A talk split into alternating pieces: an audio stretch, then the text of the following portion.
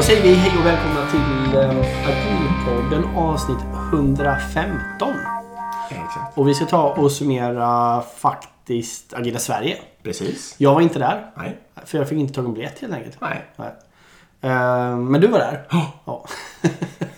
Och jag fick ju inte heller tag i någon biljett med, med den här klicka-metoden. Så jag fick ju sätta ihop ett blixttal. Eh, och det funkar ju. Det var bra. Eh, Men precis innan vi börjar prata om det så ska vi Precis. prata om CRISP. Exakt. Eh, vi gör den här podden i samarbete med CRISP och de har gjort en rolig grej här nu. De har fått ihop ett program med bra talare som de kallar för Leading Complexity. Så det handlar om hur företag och organisationer på ett bra sätt ska kunna hantera en snabb, förändlig, oförutsägbar och komplex värld. Alltså den världen som vi lever i helt enkelt. Och då är det lite kul här tycker jag. För att då har de eh, fått med en massa tunga namn. Och först på den här listan har vi då David Marquette till exempel. Den här gamla ubåtskaptenen som man får nästan att han är min idol. Ja, det får man säga. Din favorit. Inom servant leadership och så. Han har skrivit Turn the ship around. Eh, sen är det Mary Poppendick, en, eh, en gammal linmästare som jag har läst en bok av och sådär. Eh, Dave Snowden som ligger bakom eh, Kinevin-modellen. Johanna Rottman som är en eh, legend inom agila communityt. Henne vet inte jag något om. Inte jag heller. Nej, okej. Vi får tro dem. Och Marty Kagan som är känd för böckerna Empowered och Inspired. Ja, han är... Han är Ja. Jag håller på att läsa Inspired. Jag är dubbelbotten till honom. Jag Ja, tycker han är ett geni men också inte. Så det är otroligt spännande. Jag skulle verkligen vilja gå hans kurser. Ja, kul. Det kommer nog, när jag läst klart den där så lär ju det bli ett avsnitt då tror jag. Mm. Eh, ja, var är jag någonstans? Eh, De har alltså bjudit in de som de tycker är bäst inom de här olika viktiga ämnena och skapat en serie av masterclasses. Och det kommer vara lektioner och de kommer då ha en pre-reading och en hemläxa för att det här ska fastna. Och det kommer också finnas en Slack-community. Om man vill anmäla sig till det här så ska man gå in på leadingcomplexity.com och så ska man använda koden agilpodden för då får man dessutom 10% rabatt. Otroligt. Jag vill gå. Mm. Ja, det är bara att gå in Jag på mig. leadingcomplexity.com. Ja. Tack CRISP. Ja, verkligen tack Crisp. Ehm, då ska vi se. Jag har varit på Agila Sverige och du ska få tycka till om Agila Sverige då så att säga. Det är det som är dagens koncept här. Jajamän. Och jag har valt ut eh, ett tiotal blixttal. Och jag ska kommentera på någon eh, Open Space som jag var på. Och jag har tre spaningar på slutet. Där jag själv ligger väl bara bakom en i och för sig. Det är okej. Jag tycker de brukar vara spännande, mest spännande. Så de lägger dem på slutet. Exakt. Cliffhanger. Eh, och nu ska vi se, jag måste berätta lite. Agila Sverige är ju en fysisk konferens. Den hålls ju här nära Odenplan. Eh, alla de här blixttalen finns ju på YouTube. Eh, det är bara att söka på Agila Sverige 2022. Och nytt och kanske inte så fiffigt för i år är ju då att eh, det är alltså bara två klipp tror jag. Så dag ett är ett klipp och dag två är det andra klippet. Så Ja, ska, ska man till något speciellt så får man alltså sitta och titta i programmet också. Och så får man dra fram klippet dit man Ja, ska. eller så ser man bara allt. Eller se allt, ja. Lyssna på allt. Vilket man känner för. Eh, Så, alla, så vi kommer säga namnen kring de här. ehm, Så det är bara att ni googlar fram programmet och så letar ni upp de här ifall att ni liksom vill höra mer. För vi, vi kommer, jag kommer bara toucha och säga huvudpoängen. De är förresten också i omvänd kronologisk ordning för jag antecknar på det viset. Så om någon, om någon undrar så är det så enkelt. Ehm, Det var en Vi ska bra- säga också att vi har gjort, vi har täckt det här nu i eh, fem eller sex år kanske. Det är ganska länge. Ja, det är väl lika länge som Agilpodden har Ja. funnits va? Ja. Det spelar ingen större roll, men det är bara värt att nämna. Det väl har Det gjort... brukar vara ett ganska bra sån här lack, lackmustest, säger man så? Mm. För att kolla pH-värdet va? Ja. Ehm, alltså det är ganska bra indika- indikator på var, var ligger agila communityn. Mm. Alltså det, det skiljer ganska mycket på fem år vad de olika ämnena är liksom och vilken Mm. typ av publik som är där och sånt. Så det brukar vara ganska kul att spana kring det. Egentligen, du har ju nästan eh, underlag till att vi skulle ha en, en, en, eh, en heatmap på Safe. Du hade ju det ett tag. Att du så här, det pratade så nu och sen så försvann det. Och, och nu har det kommit tillbaka och det här. Egentligen är det synd att vi inte satte poäng per Agila Sverige Ja. där. Det hade, det hade ju varit roligt. Det hade man kunnat göra. Ja, först ut, eh, det vill säga sist ut, men först ut eh, för oss idag är eh, Alisha Gupta som pratade om rekrytering och unconscious bias, alltså att man, eh, vad som händer då. Och den var ju superintressant. Jag ska bara nämna några fakta och lite vad man ska tänka på här då. Ett eh, arabiskt namn ger 60% lägre chans att eh, bli kallad till intervju. Eh, kvinnor skickar in 30% fler ansökningar innan, innan de får jobb. En män? Ja. Okej. Utlandsfödda är 50% mer ansökningar. Om man är över 60 år så har man 2% chans att få ett nytt jobb. Shit. Ja. Hjärnan baserar till 50% av tidigare erfarenheter eh, baserat på till exempel ras. Så att den, den, eh, sånt som man har upplevt tidigare. Alltså, vad ska man säga, om man inte tänker på det här aktivt så kommer den till 50% att agera på sånt som har hänt tidigare. Så man har liksom haft otur eller något sånt där med någon av en viss ras till exempel. Eh, så kommer den att dra slutsatser då, med, baserat på det. Ledare är längre än andra. ehm, Vadå? Fysiskt? Ja. Jaha. Genomsnittslängden. Jaha. 19 procent av alla rekryteringar är Du och lyckade. jag är ganska långa i och för sig. Ja, alltså, men jag säger inte emot. Vad sa du? Vad var den efter? 90 procent av alla rekryteringar är... Förlåt. 19 procent av alla rekryteringar är lyckade har de lyckats mäta fram då på något sätt. Oj. Ja, och det, då, tesen där är ju alltså att det är just för att man bara tar någon som ser ut som en själv ja, istället okej. för att ta den som är bäst. Liksom. Just det. Eh, isbergsmodellen, man ser ju, det man kan se, eller som är enkelt i alla fall, är ju beteenden. När man träffar folk, intervjuar och sånt där. Och kunskap och erfarenheter syns ju inte. Och potential syns inte. Nej. Nej. Och sen så finns Det det beror på, det beror hur man... Men traditionellt kanske. om man bara intervjuar liksom. Ja. För då, de beteendena som syns är ju om personen själv uttrycker att den har potential. Liksom. Och det är klart man kan tycka sig kunna bedöma det. Och så här. Det finns faror i alla fall. Så det de liksom är inne på är att man ska ha strukturerad intervju med poäng. Det har jag alltid nu för tiden Mm, faktiskt. Ehm, arbetsprover, eh, logiktest Mm. och även personlighetstest tycker de. Det är jag ju personligen emot. Ja, det är jag Och tveksam att till. man ska vara datadriven och mäta. Ja, vill du kommentera? Precis. Varför, Nej, men bra. varför vill inte du ha personlighetstester? Ja, ja, det är en bra fråga. Nej, men det är väl egentligen för att det är ganska... Mig vetligen så är det ganska många av de där som har ganska eh, svårt att eh, alltså ha någon form av vetenskaplig grund liksom. Utan det blir ofta fyra eller åtta eller 16 fack man ska in alla människor i. Och det, det, en del människor kanske det går att- att sätta i de där, men många går inte att göra det liksom. Eh, Och sen är det ju också så här att vi vet ju det om vi tittar på gruppdynamisk forskning att det spelar ingen roll vilka personlighetstyper du sätter i team. Det, det har ingenting med att skapa ett framgångsrikt team att göra. Nej. Utan oberoende av vilka typer av personer du har så är det bara hur du jobbar gruppdynamiskt hur hur bra gruppen blir. Så jag, jag ser också risken i att, så här, du vet, att det sitter då någon chef och tänker att ja, men nu måste jag ha in en person som är mer extrovert och, eller tänker så här eller är de här bokstavskombinationerna i, med röd människa. Allt det där. Ehm, och så sitter man och försöker hänga upp sig på det och så missar man bra, duktiga kandidater istället. och så där. Det är väl de tankarna jag får. Jag har ju fått det här med personlighetstester eh, levererat till mig av eh, en HR-organisation då där det liksom hette att en utvecklarprofil ska ha den här, den här personligheten. Och då var det någon som hade tänkt ut att den bland annat skulle vara ordningsam och sånt där. Och om vi liksom satt och rekryterade ihop så att vi hela tiden hade ett bias och letade efter ordningsamma människor till utvecklarcommunityt. Skulle Ja, det skulle ju bli riktigt dåligt. Ja. Så att jag menar, det är nog där, på det sättet så tycker jag ju absolut inte att det är en bra idé. Men däremot, jag använder personlighetstester ibland, men då är det nästan bara för att kolla om folk har någon aning om vad de har för personlighet. Man kan liksom, kan- du kommentera på det här, som det här resultatet du har fått liksom. Om de då inte alls kan förstå resultatet eller liksom hantera det, det kan ju vara en varningssignal på att de har dålig självkännedom. Liksom. Just det. Det är väl typ det sättet som jag kan tänka mig att använda det på. Men annars håller jag med om allt i den här pratan. Ehm, Ja, kul med lite data. Det behövs mer, mer sånt. och eh, verkligen det här jobba med strukturerade intervjuer med poäng. Det är helt överlägset. Ja. Det är jätteskönt sen när ni ska ringa och tacka nej till dem ni inte tog också kan jag avslöja. Ja, verkligen. Ehm, sen tar vi en...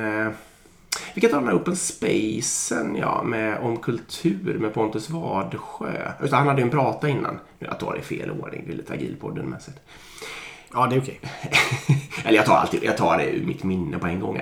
För då är det så här att jag, jag börjar med att säga det, jag har nog alltid tänkt att eh, det finns olika organisationskulturinriktningar liksom. Ja men så här att eh, Amazon är ett användarcentrerat företag och det är deras kultur på något sätt. Och sådär. Eh, Eller Toyota är ett eh, liksom lean, eh, ja, definierar lean på något sätt och de arbetar fram den kulturen och tänka långsiktigt, göra rätt, se med egna ögon och alla de där sakerna. Eh, men hans teori var snarare så här då att det finns en skala från dålig till bra organisationskultur från vänster till höger. Okej. Och eh, alla de här, eh, typ då man säger sånt som liksom Tesla eller eh, Lexus eller Toyota eller något sånt där. Så är det egentligen bara olika dialekter som gör att man rör sig åt höger på den där. Ja, okej. Ja, jag tycker att de behöver inte utesluta varandra nödvändigtvis. Nej, De två modellerna menar jag. nej. Det blir mer en aggregering på något sätt. Att, Men, men i min tankevärld så var det liksom mer så här att om man eh, om man har ett företag som är användarcentrerat då är det liksom det som är USPen och där man tjänar pengar. På grund av att man är användarcentrerad. Men han var ju mer av teorin att om man jobbar med användarcentrering så är det ett smart sätt att flytta den här kulturen åt höger på hans skala. Och båda skulle kanske kunna vara Ja, men sanna. det- Ja, jo. det blir ju så. Jag tror att alla de där smarta grejerna eh, som man gör, till exempel lean eller som du säger då med kundfokus och Ja. sådär. Det gör ju i någon form av aggregering att man rör sig till en bra, Ja. bra sida. Äh, väldigt, väldigt tankeväckande. Kolla på den om ni vill. Och... Eh, ehm, ja, nej men precis. Det, det är en sk- skala. Man kan ju se, kolla på den här powerpoint-bilden på om man eh, i, i YouTube, liksom, vad det står för saker. Då. Men det är ju liksom att man, det blir mer teambaserat arbetssätt och man hjälper varandra mer. Och Ja, sen- sen- Risken med den modellen som jag ser det, det är ju att det blir som sagt en aggregering. För sen om du tittar då på två olika företag som ligger på nio, om vi säger så. Mm. Ehm, det kan vara helt olika ändamål varför de är nio. Eller Ja. helt olika anledningar. Ja, det, ja. det framgår ju inte av den modellen. Tycker nog inte riktigt han då. Ja, nej, men precis. Ja, men det gör det ju. Ja, För du då, då har vi precis just det fallet. Det är, det är bra med Amazon och eh, Lexus. Det är ett bra exempel. De är ju inte av samma anledning på nio. Nej. De, är, de båda har en bra företagskultur men de, den skiljer ju väsentligt skulle jag säga. Amazons företagskultur finns det väl i och för sig frågetecken kring också. Ja, det är det verkligen. Men eh, ja, det gör det väl på, på många företag. Men de har ju i alla fall lyckats med sin grej på något sätt. Det är väl det som jag känner. Exakt, och jag använder ju själv produkten och den är ju fantastisk. Mm, exakt. exakt. Alltså produkten Amazon. Ja, precis. Det går att trycka på en knapp så har du gjort ett köp. Det är fantastiskt. Nej men eh, okej. Ja, jag, jag, tycker, utan att sätta här blixtalt då. Min dom är här att jag håller med om att modellen stämmer. Ja. Men den blir lite simplifierad. Ja, Det blir en aggregering. jo, det var det jag skulle säga också. Han säger ju att det finns forskning som visar att det är så här. Men den, alltså, den gick han ju inte igenom i detalj. Men det, jag tror att han hade referenser. I slutet där kan man nog se vad, vad det var han... eh, Okej, spännande. Så det, vill, orkar man så ska man ju definitivt kolla på det här och kolla upp det lite. Liksom. Förstå mer. Mm. Jag hoppar vidare. Ola Berg. En gammal eh, agilpodden-kändis. Ja, exakt. Eh, han pratade om trygga och fria, att det är bra att vara det. Och då är det lite så här att han, han drev en tes om att eh, människor är väldigt ofta för saker i teorin men det finns alltid anledningar till att inte göra det. Det känner jag igen ganska mycket i alla fall. Ja. Det är ofta en känsla som driver vägvalet. Och människor är väldigt ofta väldigt försiktiga och behöver trygghet. Och då påminner han om att det där kommer ju från människans liv på savannen. Att om man inte hade trygghet och man var utsatt för rovdjur och andra problem så att säga. Eh, då var det en fråga om liv och död. Och det har vi nu tagit med oss in i en sån här organisationskontext när vi försöker göra någon slags nytta. Så blir vi liksom oroliga även nu. Man kanske egentligen inte behöver bli det. Och det man behöver jobba med då är ju att skapa eh, trygghet och frihet. Eh, så att om man, om man lyckas bygga en kontext där människor kan känna sig trygga, fria och bra, då, det är ju då de här stordåden kommer. Liksom. Eh, och det ska kännas meningsfullt också. Så att hela hans eh, hypotes är ju då, eller jag, min tolkning är då, men att han eh, pratar om att man ska jobba, man ska självklart jobba med systemet och man ska inte liksom jobba med detaljer och sånt där. Och när man märker att det finns motstånd mot att våga göra något eller göra en förändring, då ska man bygga ett team som eh, vågar vara eh, trygga och fria samtidigt helt enkelt. Ja, jag tycker det här var en väldigt, väldigt bra påminnelse. Det är väl förstås ett annat sätt att uttrycka det här. Det är väl psychological safety. Mm. Ja, precis. Alltså det låter ju spontant lite som en öppen dörr. Ja. För det finns ju ingen som skulle säga emot det. Nej, det är sant. Men, men å andra sidan så kanske det glöms bort i Exakt. att man fokuserar på massor med Exakt. annan skit istället. Man håller på istället och gör big room planning och drar röda streck mellan Ja. alla beroenden liksom. Ja. Och då är det någon nere i hörnet som inte, alltså som kämpar mot ens big room planning till exempel. Mm. Och då så är, tycker man ofta när man står där och är planerare av hela det här rasket att eh, den personen är dum och konservativ. Liksom. Men i själva verket är den kanske rädd. Och Ja, otrygg. ja, Mm. Ja, jag köper det. det är ju lite då som... Mm. Jag, jag tror det är väldigt vanligt. Speciellt bland chefer är det här nog väldigt vanligt också. Um, alltså varför man inte vill göra en förändring, varför man inte vill testa något nytt och så vidare. Det är för att man själv inte... Att man inte känner sig trygg i det. Vad som ska hända med mig och min grupp och min roll och, och så vidare. Exakt. Och väldigt ofta om folk kan riskera att bli av med jobben eller fördelarna och sånt så blir det då sitter de och vaktar på dem istället för att Japp. hitta liksom ryggen fri-beteendet. Eh, nästa, där skulle jag nästan kunna fråga dig faktiskt. Tycker Mm. du något om eh, ledningsgrupper? Ja, jag har ju några sådana där klassiska saker. En grej är att det är väldigt svårt att bygga ledningsgrupp som team ju. Ja. I och med att man inte sällan har ett gemensamt mål. Det kan man ha. Ja. Men man behöver ofta inte varandra. Utan ofta är det ju liksom väldigt uppdelat att du är chef för de där teamen och jag är chef för de där teamen. Eh, Och de exekverar på sina egna mål och Ja. grejer. Och det gör att det blir väldigt svårt att få en teamkänsla på ledningsgruppsnivå. Så då kanske man ska identifiera, antingen får man bestämma, jag tycker man måste ha ett aktivt val som ledningsgrupp att är vi en sammankallande funktion och vad är vårt syfte? Och det kanske räcker att vara en, ja men vi koordinerar, vi ser till att det finns transparens och samsynk och vi lyfter problem och lite grejer och så är vi nöjda med det. Men det är väldigt många ledningsgrupper som försöker bli starka team. De åker på konferenser och åker utbildar sig Ja. ihop och allt sånt där. Ja. Men sen så har de inte förutsättningarna eller behovet heller kanske att vara ett team. Det är väl min klassiska åsikt om ledningsgrupper. är för att ähm, Jagge, som vi ju känner och som är med och gör Agila Sverige också. Ja. Och jag tror, jag vet knappt om jag vågar uttala det fulla namnet, men eh, Jaggarna Tammele tror jag att man säger ungefär. Eh, han hade en prat om ledningsgrupper och han var inne på de sakerna som du nämner nu. Han hade några poänger som jag ändå så här, inte har tänkt så jättemycket på. En av dem var så här att ledningsgrupper spelar bara match, de tränar inte.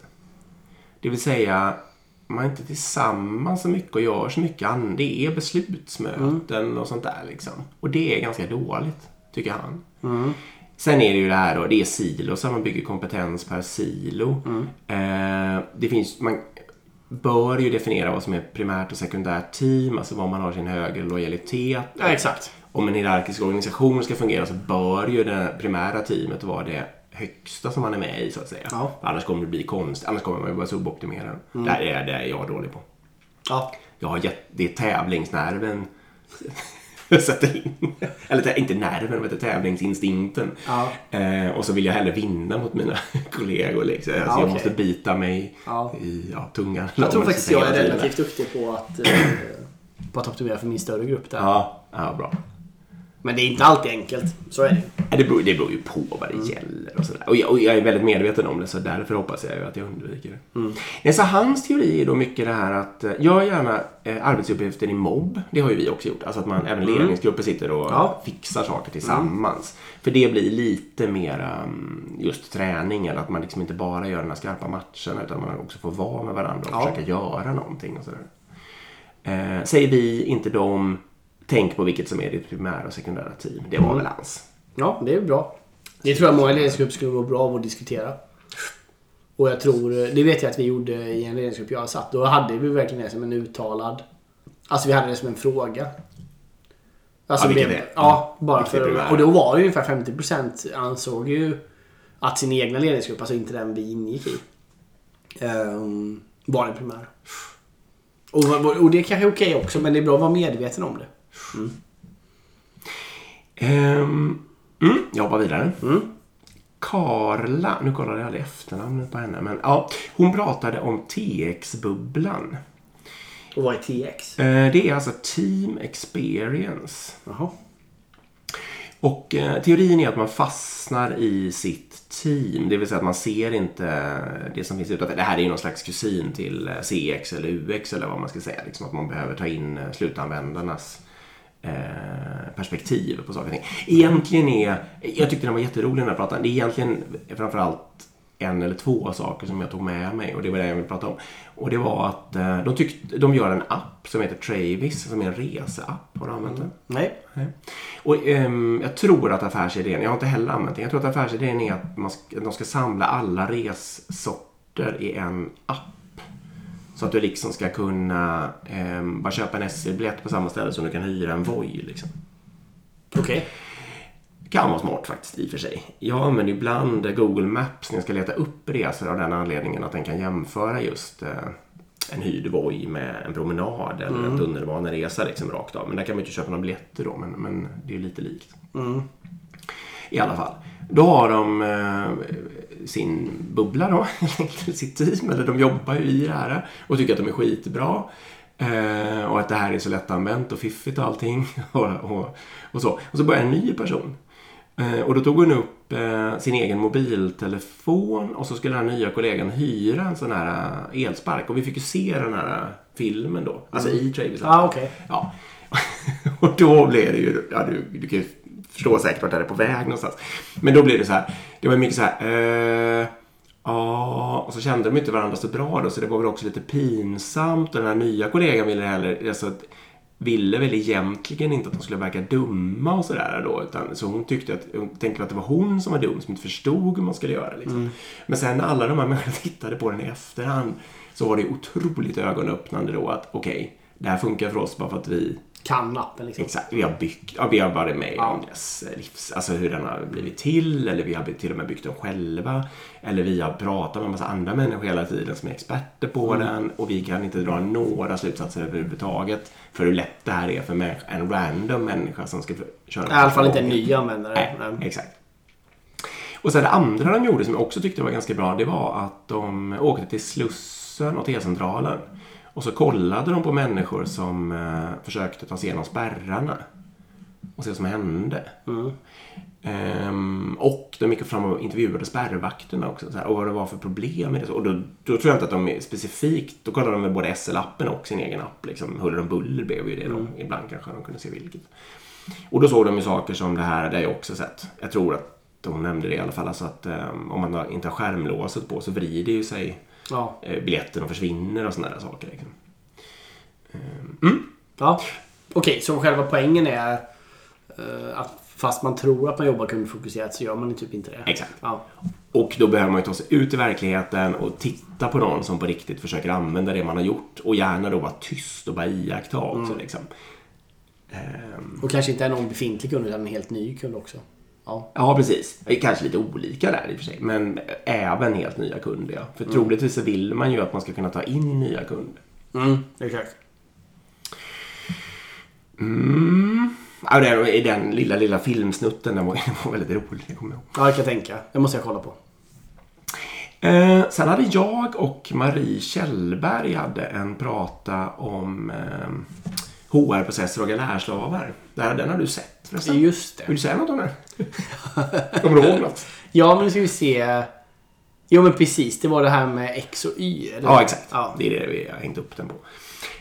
Så vi driver lite tesen att eh, om- de, de här HR-processerna som väldigt många klassiska organisationer har, de är uppbyggda på eh, hypotesen, den här X och Y-hypotesen och så är de uppbyggda på att människor huvudsakligen är X. Och vad, är X och Y? Exakt. Snabbt. Jag ska komma till det. X är alltså att eh, människor är lata och eh, behöver eh, yttre motivation för att göra ett fantastiskt arbete. Liksom. Alltså antingen piska eller morot enkelt uttryckt. Y är att människor, om de får rätt in- förutsättningar, så kommer de att göra ett fantastiskt arbete. eh, För att de har ett inre driv och en inre motivation och tycker att det är kul och meningsfullt. Typ. Och om man tar såna här... Det gäller alla. Man måste välja här liksom. Eller lite så är det ju. Ja, men det är klart att man kan eh, Alltså man kan ju vara X inför en viss arbetsuppgift. Alltså, eller vad man ska säga, det kan ju vara en flytande skala. Och, Ja, precis, men det är mer en människosyn ju. Ja, men det är en människosyn. så- Exakt. Och då gjorde vi det här också. Vi, vi sa så här, hur många här inne tycker att ni själva är X? Hur många tycker att ni är Y? Och då tyckte alla att de var Y. Hur många här inne känner någon X? Ja, det var det ju några som tyckte att man kände en X. Liksom. Så det är ju väldigt vanligt att man, och det är, det är ju det som chefer och HR också gör då, men att man just tycker själv att jag har ju min inre motivation. Men det finns nog några lata som, inte, som inte funkar så. Och därför måste jag kontrollera och, och så. Ja. Och därför byggs ju ofta den här performance management eller liksom tidrapporteringssystem eller godkännande system för resor. Ja, du vet, allt det där byggs ju utifrån att människor är X eller liksom har grunden i X. Men sen om man då har en modern utvecklingsorganisation då har man ju kanske bara Y eller kanske har smugit sig in någon X av någon anledning eller någon som har hamnat fel och sådär. Men om man då designar hela systemet för den enda av hundra människor eller något sånt där, då är det ju helt vansinnigt liksom. Man drar ju ner, ja, den hypotesen drev helt enkelt. Precis. Och det är ju det är en gammal favorit hos mig också. Just det där att de flesta av de här kontrollfunktionerna är ju för att inte 0,1% ska fuska. Men det drabbar de övriga 99% när det är deras Exakt. arbete. Och Det är det, är ju, det, precis, det borde jag ge cred till dig för det är ju den, exakt den formuleringen tror jag att jag sa och den, den kommer från dig. Exakt. Man kan inte designa systemet för den en procenten eller vad det är som fuskar. Det Eller kan kan man, men det är inte så svårt. ja. Eh, sen har vi en rolig här då. Mats Kempe pratade om Safe. Och då var det typ så här. Efter ett år med Safe kan jag ärligt säga, tror jag pratan hette faktiskt. Och så, och så bara drog han massa plus och minus helt enkelt. Vad som, var, vad som hade blivit bättre och vad som var dåligt. Ja, Okej, så det är alltså en person som jobbar i en safe-kontext då alltså? Exakt, Ja. sen ett år tillbaka. Okej. Mm. Och, nej, jag, jag säger dem först så ser jag mina slutsatser. Men är det jämförelse då med att jobba traditionellt? Liksom, eller Vattenfall? Eller? Ja, jag tror att i han, som han tänker och menar så var det jämförelse med om de hade fortsatt som de gjorde innan. Jag tror att det är likt eh, Volvo Cars-fallet som vi poddade om. Alltså att de var mycket mer klassiska och så slängde de på Safe för att göra sig agila liksom. Mm, Okej. Eh, och jag tror att jämförelsen är liksom Ja, så. Ja, eh, eh, vad är det som har blivit bättre? Det är till exempel att teamen pratar med varandra. Mm. Exempel som har blivit sämre är att många blir frestade att använda såna här mallar som till exempel VSJF, alltså weighted, weighted shortest job first. Just det. Det har blivit bättre att de har en eh, backlog, alltså en tydlig backlog för helheten. Mm. Och även säkert på teamnivå. Det såg vi ju på Volvo. Ja, men det kanske de hade innan. Kanske. I bästa. Men den var ju Ja, kanske. antagligen mycket större och krångligare. Ja, sant. och oändlig storlek och allt sånt där. Det kanske var, inte alls var, fanns när på, särskilt inte på mekanik och sånt innan. Nej, exakt. Det är sant. En sak som har blivit sämre är när de eh, ser det som en bibel. Alltså att det bjuder in till att man ska vara bokstavstroende så att säga. Eh, en sak som är en styrka är att det synliggör beroenden och även risker. Och det kan jag ju hålla med. Det kommer jag ihåg att det var en av våra tidigare slutsatser redan när, när vi hade pratat med någon som jobbar på Folksam. Som har gjort det här med Garnnystan-grejen och att man såg att det här var helt absurt. Att det var 10 000 beroenden som gick kors och tvärs. Liksom, Precis. Sen är ju problemet bara att jag har fortfarande sett väldigt, väldigt få organisationer som prioriterar att bygga bort de där beroendena. Nej. Utan det är bra, nu har vi dem. Nu, nu fortsätter vi. Som vanligt. tror, men var, var inte vår upplevelse, eller min upplevelse av Volvo i alla fall var ju ändå att inte, det, de var ju inte superperfekta. De jobbade ju absolut inte superaktivt med att bygga bort beroendena. Men de, i det faktum att de hade dem, vad heter det, synliggjorda gjorde ändå att när de gjorde små förändringar, organisationsförändringar, så, så minskade nog beroendena. Mm, det var nog min känsla. Ja. Sakta men säkert liksom. Ja. Sen, det som drog mest skratt i den här pratan, det var ju när han sa utbildningen och certifieringarna. Då sa han, de, de ger inte kunskap och visdom. Nej. Nej, och det är ju, det, är ja det vet ni ju, det är ju den affärsmodellen och det, det är ju liksom Ja. inte så starkt kanske. Ehm, sen det som man lyfter fram som ett stort plus, det är ju att allting finns på webben. Och det håller jag med om. Det är ju en styrka att man kan eh, gå Ja. in på den där Scale Agile Ja, och bara liksom Nej, vad som helst. Det har ju även vi gjort när vi har velat ha um, Ja, ja. ledarskapsprinciper och sånt där till exempel. Ja, verkligen. Eh, en svaghet är att många riskerar att se sig som målet. Mm. En styrka är att det bara är att starta, alltså man kan komma igång. Mm. En eh, svaghet är att det är för mycket fokus på sådana här eh, practices. Och sen eh, hans en som var både bra och dålig var att det är en hype kring det. Mm. Och det är väl sant också. För att Ja, det hype- både bra dåligt. precis. För det kan bli valt när det inte passar. Men det kan också vara så att man kan få in det bara för att det är lite hypat. Liksom. På ett Ja. ställe där det annars inte hade kommit in någonting. Nej, men exakt. Ehm, och sen kan det vara en fördel då att det är, ehm, och det här det, det håller jag väl med om, alltså att det är ehm, det skapar trygghet hos höga chefer och ledningsgrupp och sådär. Att det verkar liksom genomtänkt. Och det betyder att man kan få upp agilitet på agendan och komma vidare. Och så, enkelt. Mm. Det är bra för att man eh, visualiserar ledtiden troligtvis. Mm. Och sen då var det, frågan var ju så här då. Kan en traditionell organisation komma vidare utan SAFE?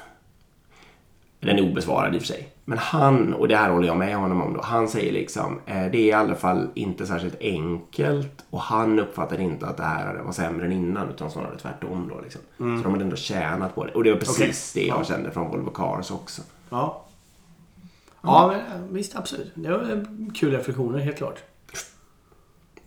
Så att en ganska, ja, nej, jag, precis. Den stödde egentligen det, det jag kände efter Volvo Cars avsnittet. Ja. Eh, sen hade Pontus Wadsjö hade en prata till. Den handlade om slumpmässig rekrytering. Idén kom från Jimmy Janlén. Jaha, vad spännande. Ja, Den är så otroligt rolig den här så jag måste bara nämna den därför. Ja. Eh, då nämnde han det här faktumet att hjärnan fattar först ett beslut och sen motiverade det. Lite så är det ju ofta. Ja. Och därför är man värdelös på att rekrytera liksom. För först bestämmer man sig för att det här är en bra människa jag vill ha. Och sen kommer man leta upp någon slags alltså motiveringar till det då. Ja. Eh, så att det blir sant. Mm. Och eh, till exempel så sa han fler sådana här roliga fakta också. Att om man har mer än tre års erfarenhet så spelar det ingen roll sen. Alltså om man har tre eller 30 år spelar det ingen Ja. roll.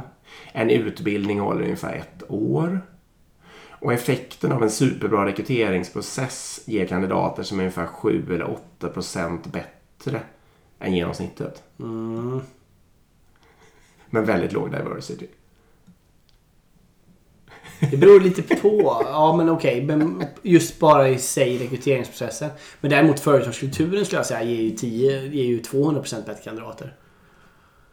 Alltså här, jag, jag säger hans tes bara. Ja. Jag, det här måste man kunna diskutera hur mycket som helst. Men hans tes var ju helt enkelt att om det är sådär, om alla de där sakerna som Ja. jag just sa och som han sa innan då är sanna.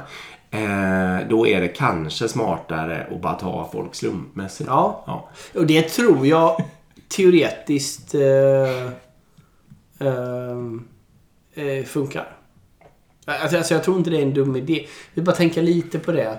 Jag tror man skulle behöva ha någon kontrollfunktion bara för att få bort eh, eh, det värsta liksom. Folk som ljuger om vad de kan Ja, känner exakt. jag ju direkt. För det har vi, där, där jag jobbar så, kom, så kommer det ju en hel del så som inte, som inte, vad ska man säga, de har ju inte sökt ett jobb som de, jag egentligen tror de kommer klara av. Nej men exakt. Och då borde det inte vara bra att slumpmässigt välja dem. Nej, men, men jag tror inte du behöver ha... Till, jag håller med poängen. Jag tror att eh, det, du behöver ha någon kontrollfunktion. Sen behöver den kontrollfunktionen antagligen inte vara en super mm, raffinerad rekryteringsprocess med IQ-test och bla bla bla. Liksom. Utan, eh, man kanske skulle ha en kontrollfunktion som bara gör att eh, Okej, men du får provjobba en vecka eller en dag eller något sånt där. Jag kommer faktiskt inte ihåg det, jag har inte skrivit upp det men det kan ju vara så att han sa att man skulle ha skallkrav och sen eh, skulle man slumpa bland de som klarade Mm. skallkraven. Ja, men exakt. Det kan ha varit något sånt. Nå- Något sånt. Då, då är man hemma. Det tror jag också. Absolut. Men jag kan ju känna att eh, om man, det här med anställningstryggheten är, är ju massa bra saker med, absolut. Och det kan ju göra att man blir mer försiktig med att göra en sån här grej.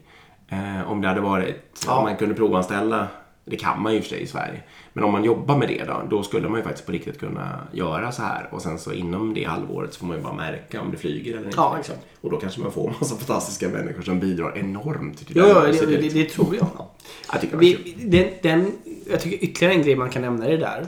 Det är ju som vi har varit inne på innan också att eh, ofta de här, eh, om du tittar i den organisation du jobbar i idag och så identifierar du kanske tre stycken superstjärnor eller folk som du verkligen tror på. Antingen kan växa in i en chefsroll och göra det eller bara fortsätta att vara tekniska experter eller vad det nu är liksom. Eh, De tre personerna är väldigt, väldigt ofta personer som kanske har kommit in, ganska unga kanske, inte har så mycket erfarenhet, kanske inte har varit på fyra andra företag utan det kanske är första företaget och så vidare. Um, via något kanske talangprogram eller något sånt. Um, och ofta är det ju de personerna som är liksom... Och det, på pappret så hade du ju aldrig... Den, en sån person hade ju aldrig kommit in. Nej. Så det kan ju också vara så att via att göra så här så kommer du få in massor med Mm. smarta människor som växer i lojalitet och allt sånt. Liksom. Mm. Nej, det är tänkvärt. Ja, det är det. Sen var jag på en open space igen. Jag ska väl sen strax gå igenom vad det är också, men nu när jag tar den här först. Eh, som handlar om psychological safety och särskilda behov. Jag tyckte den var ganska... Jag har inte tänkt på det själv. Att, alltså människor är ju väldigt, väldigt olika. Jag har nog lite så här... Kan tendera och... Alltså alla ska ha kameran på, alla ska vara med i check-in-frågan. eh, Liksom, och sådana där saker. Jag vet det ju för sig. Vi har ju inne folk via Unicus. Det är ju en eh, konsultfirma som bara anställer människor som Asperger. Och när det blir så, så pass tydliga särskilda behov, då är jag ju helt in, jag har ju fullständig förståelse för att det kan behövas anpassningar och sånt där. Men jag tänker inte på det att eh, liksom även lindrigare särskilda behov, eller vad jag nu ska kalla det för, eh, att en människa som har det, om jag bara kommer ångande på där som en flodhäst, då kanske den inte känner att jag tillgodoser dem riktigt. Nej. Och det kanske jag borde börja tänka på mer. Det satt vi och pratade om en ganska lång stund. Det är intressant och det där tycker jag är svår, li- eh, svår linje. För det är också, jag är ganska övertygad också som du är att om man ska jobba distribuerat som ett team då behöver man ändå få den visuella kontakt man kan få. Liksom. Men sen är det helt okej att det händer mig också. Jag säger att ja, men jag är i bilen för jag ska ändå passa på att handla på lunchen nu. Så därför ringer jag in. Jag har inte kameran på. Eller jag äter just nu. Eller jag ligger i sängen och tar det här mötet så jag har inte kameran på. Det, det, det händer ju liksom. Men man skulle ju... Alltså man måste ju... Det är balans såklart. Ja, det är balans. Ja, det, Exakt. det är det som är det luriga. Det, Ja. Och det var det vi satt och sa på den här, prat, eller när vi satt och diskuterade det här också. För att eh, det vi sa var just att ja, man bör ju tänka att alla behöver inte vara lika och det kan vara okej att, att vissa liksom inte är med riktigt lika mycket socialt. Men det kan inte heller bli en baklänges att jag har, jag har den här personligheten eller den här, liksom, det här särskilda behovet så jag tänker inte vara med på några möten eller liksom, Ja, exakt. och sådär. Det, då spårar det ju åt andra hållet. Då kan man inte jobba på det stället med, de, med, med, med de arbetsuppgifterna. Liksom. Eh, så det är verkligen en balans. Men jag, det jag tog med mig själv var just att jag ska själv bli lite bättre. Alltså att reflektera bara. Att jag inte hela tiden Mm, Det är smart. Du kan ju också på. försöka mäta det på något sätt. Alltså man skulle ju kunna Ja, säga... bra Nu har du haft... Du hade en sommaravslutning på jobbet nu till exempel. Mm. Då skulle du ju faktiskt kunna kolla nu i en survey efteråt. Tycker du att det var... Eh, alltså kände du dig... Eh, vad man ska säga... Trygg eller nöjd? Mm. Eh, kände du att du hade möjlighet att påverka? Eh, ja, och så vidare. No, så här, och även jag skulle kunna Vi spelade boll då liksom i en ganska Ja. självorganiserad turnering. Jag hade ju kunnat fråga alla människor i en menti sen om de kände sig, om de var, just kände sig trygga när de var tvungna att göra den där Mm. bollspelen. Det kan ju vara några som tycker att det Ja. var en mardröm liksom. Exakt, det kan det faktiskt vara. Och, och det, så där tänker man inte på. Men just... eh, jag vet, jag har hört eh, från kollegor som jag själv aldrig reflekterat över. Men till exempel basta tycker ju många är en mardrömsaktivitet. Det kan man ju ändå förstå. För det Mm. Ja. innebär att sitta i underkläder Ja, och så vidare. Ja. Man lämnar ut sig Ja. lite och sen så delar man upp sig på kön mest troligt. Ja, Och-. Nej, det finns massa nackdelar med det. Där jag undviker faktiskt. Ja, det gör jag också. Anledningen. Mm. Um, Mardröms, det gamla stereotypen är ju att det finns en kvinna med i ledningsgruppen och så, och så sitter alla killarna och bestämmer saker själva utan henne. Eller en eller två då kanske. Och så är de i minoritet. Liksom. Ja. Det, det börjar ju för sig. Ja, inte överallt. Bastu, ölprovning och Ja. fotboll liksom. Mm. Stereotypa skämt. Ja. Ehm, jag ska säga, det hinner vi va? Vi, jag tänker om inte alla, har vi gått igenom vad Open Space är för någonting? ja, Okej. vi. Jag, jag, jag måste bara, jag säger det ändå. Eller jag, jag vill inte säga vad det är, men jag måste säga jag älskar de här. En de, minut på, på Agila Sverige som är så bra på att gå igenom de här.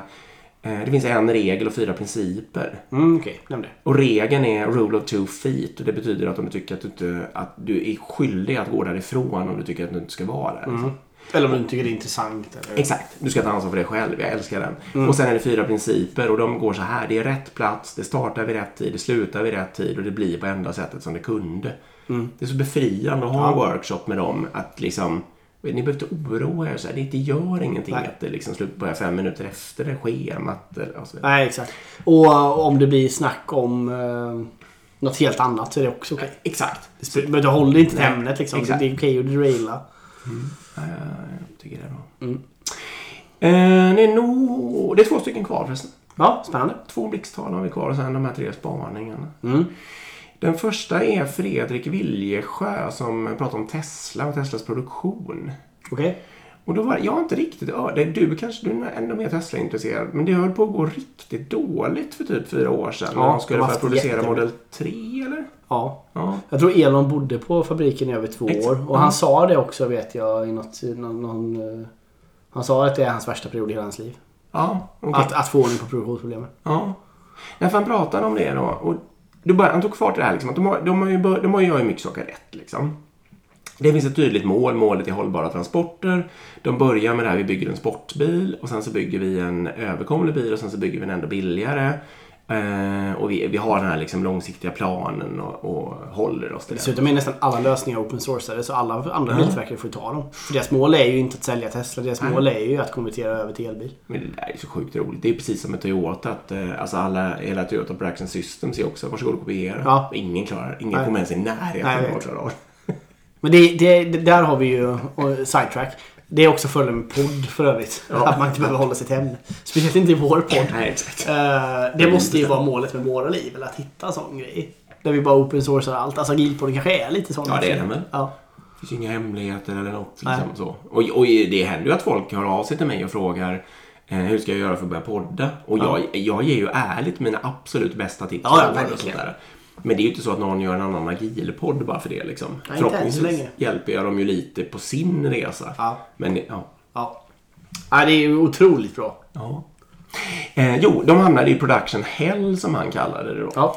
Och det, det som han säger att gjorde liksom att de löste det här då, det är att de samlades kring målet. De jobbade med att få igång alla människor. Alltså alla som stod och skulle eh, försöka montera och alla chefer och säkert liksom allt.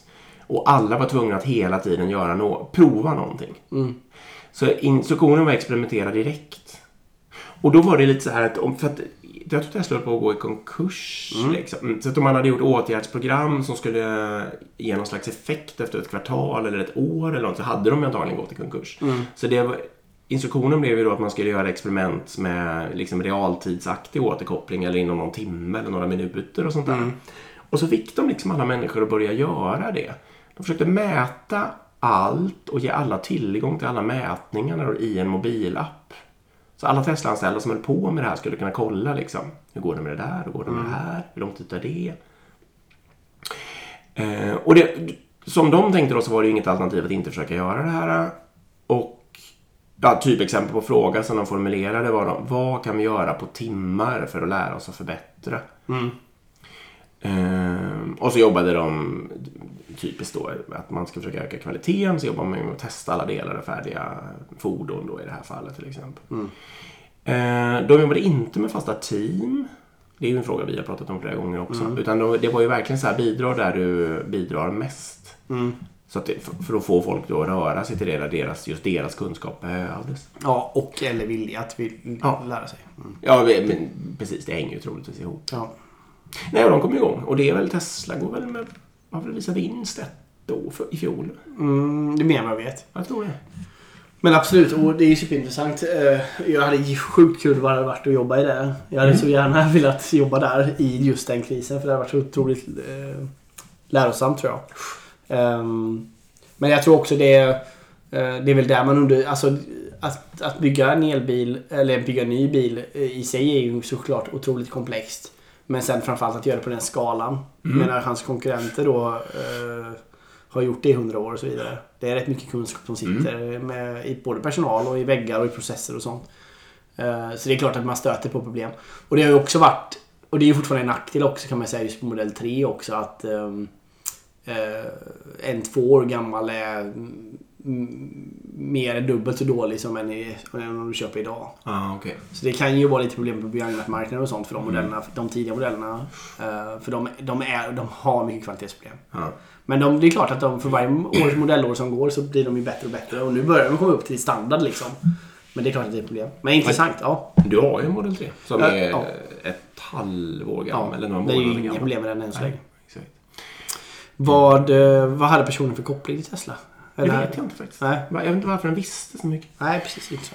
Ehm, Det, det kan hända att det sades i början. Där jag, som Mm. sagt, jag satt ju med och antecknade de här sakerna med mobilen. Mm. Blir- och det ska jag passa på att säga det nu så slipper jag säga det sist. Att jag får ju be om ursäkt om jag minns fel eller har skrivit fel eller någonting. om det är ni som har hållit i praten eller har bättre minne så får ni ju då får ni skriva till oss så kan vi göra rättningar om det är något, i alla fall om det är något allvarligare fel som jag säger. Ja. Sista blixttalet, det vill säga då ett av de första som jag lyssnade på i verkligheten. Det var Henrik Kniberg som pratade om prototyper. Eh, Också en äh, agilpodden-kändis. eh, verkligen. Lite känd utöver agilpodden också. Ja, exakt. Lite känd, känd lite här och lite där. Nej, han, tesen är väldigt, väldigt enkel. Och det är att prototyper är jätteviktiga. Mm. Och, och lite då att om man kör, alltså går in för att vara väldigt agil, då kan det hända att man blir dålig på prototyper. Och då menar han lite så här att om man till exempel bygger, eh, alltså är van att bygga kvalitet och har mycket CICD och tester och grejer. Då kan det hända att man blir långsam och inte gör, slänger ur sig så mycket prototyper till exempel. Om man till exempel kör skrum så kanske det också motverkar, det blir lite mycket struktur där. Och man kanske inte vill storypoint sätta hålla på och planera upp ett prototypbygge och så liksom. Och det man ska komma ihåg då är att allting är ju värdefullt. Man lär ju sig troligtvis på allting och även allting man slänger är ju värdefullt. Mm. Det är viktigt. Så man behöver på något vis... Det här är ingen konstig spaning, men man behöver kunna hålla jätte, jättehög fart i prototypande då. Eh, och sen, det är i alla fall inget problem för att troligtvis har man ju en kvalitetsbygge. Så att, alltså fastnar man för någonting då kan man bygga om det med kvalitet om man har byggt det jättefort när man prototypade det. Det där jag tror problemet är att många... Eh, jag tror det är just det problemet. För man måste ha den kulturen där man säger att det är okej att, vi- att vi slänger det här. Ja. För många börjar bygga och tänker ja, men det är inte lika bra att vi ändå Nej. bygger det i vår pipeline så vi Exakt. gör de där grejerna. Och, för om det här nu blir någonting och så vidare. Vi vill inte kunna stänga det här. Och så blir det, då blir det Ja. långsam och... Exakt. Ja. Då blir det kanske tio gånger jobbigare. Mm. Och, och så var det en felsatsning den första. Om man hade skitit i det hade man istället på samma tid kunnat göra tio stycken.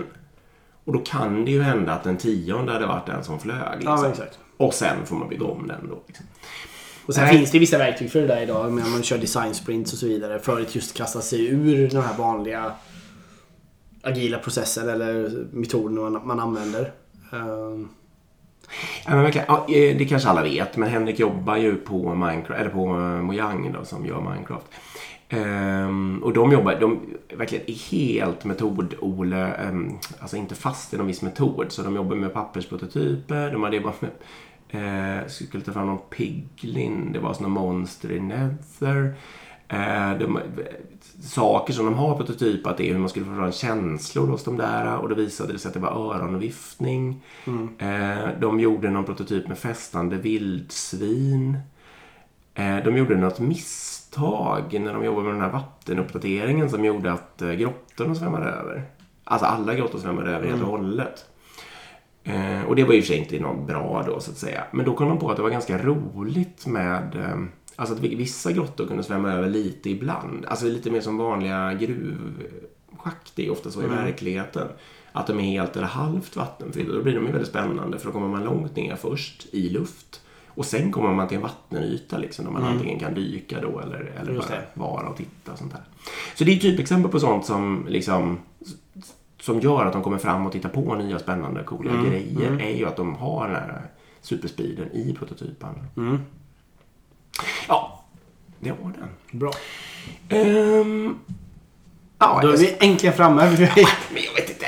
Jag kan, kanske nu har vi pumpat upp de här till Dix tre. Nej, det det, det, det, är väl det värsta av allt. Eh, det är en gemensam bekant till oss ehm, som har gjort två av de här. Då. Och den första går så här. Och det, här- jag har tänkt mycket på den här själv nämligen. Det var därför jag eh, vill säga den. Den går så här. Chefer sätter fortfarande lön och ingen verkar ha en agil lösning på det.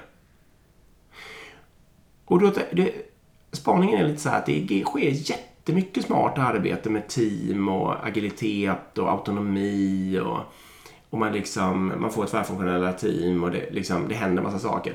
Men när det kommer just till lönefrågan jag ska inte säga att det, det finns ju, några har ju lyckats göra annorlunda. Ja, det är Men få. det är få, ja. Väldigt många organisationer, väldigt många människor funderar på det och det var flera open space och sånt där även på Agila Sverige då i år. Det var, det var därför det här kom upp. Mm. Eh, som pratade om det. Och det är liksom, många frågar, ja men hur ska vi göra med lön? Har ni några tips? Men ingen har gjort någon superbra lösning på det. Nej. Nej, det tyckte jag var intressant.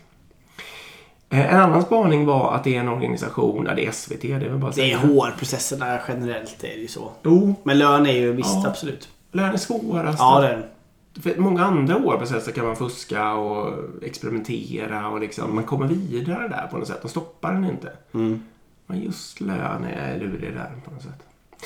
Eh, jo, ehm, nästa var så här att eh, det finns ju en organisation, nämligen SVT, och de har innovationssprintar. Jag tror det är två gånger, eller var tio, jag kommer inte ihåg. Nej, Men de, på de, någon kadens. Ja. de avsätter helt enkelt någon, exakt med en kadens så är det bara innovation, man får göra vad man vill och så vidare. Mm.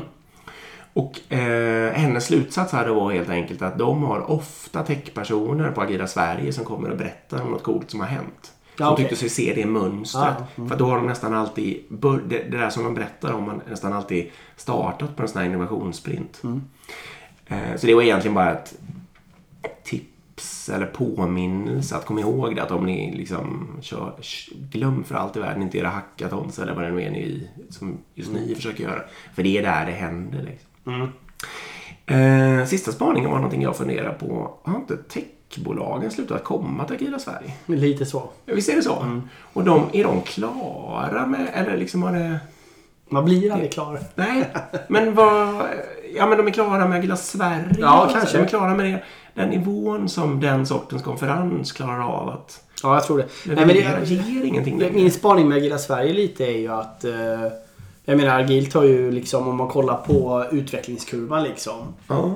Eh, the early adopters är ju techbolagen lite. Ja. Och de har ju varit där. Liksom. Och nu kommer nästa våg va? Ja. Eller kanske till och med... Safe.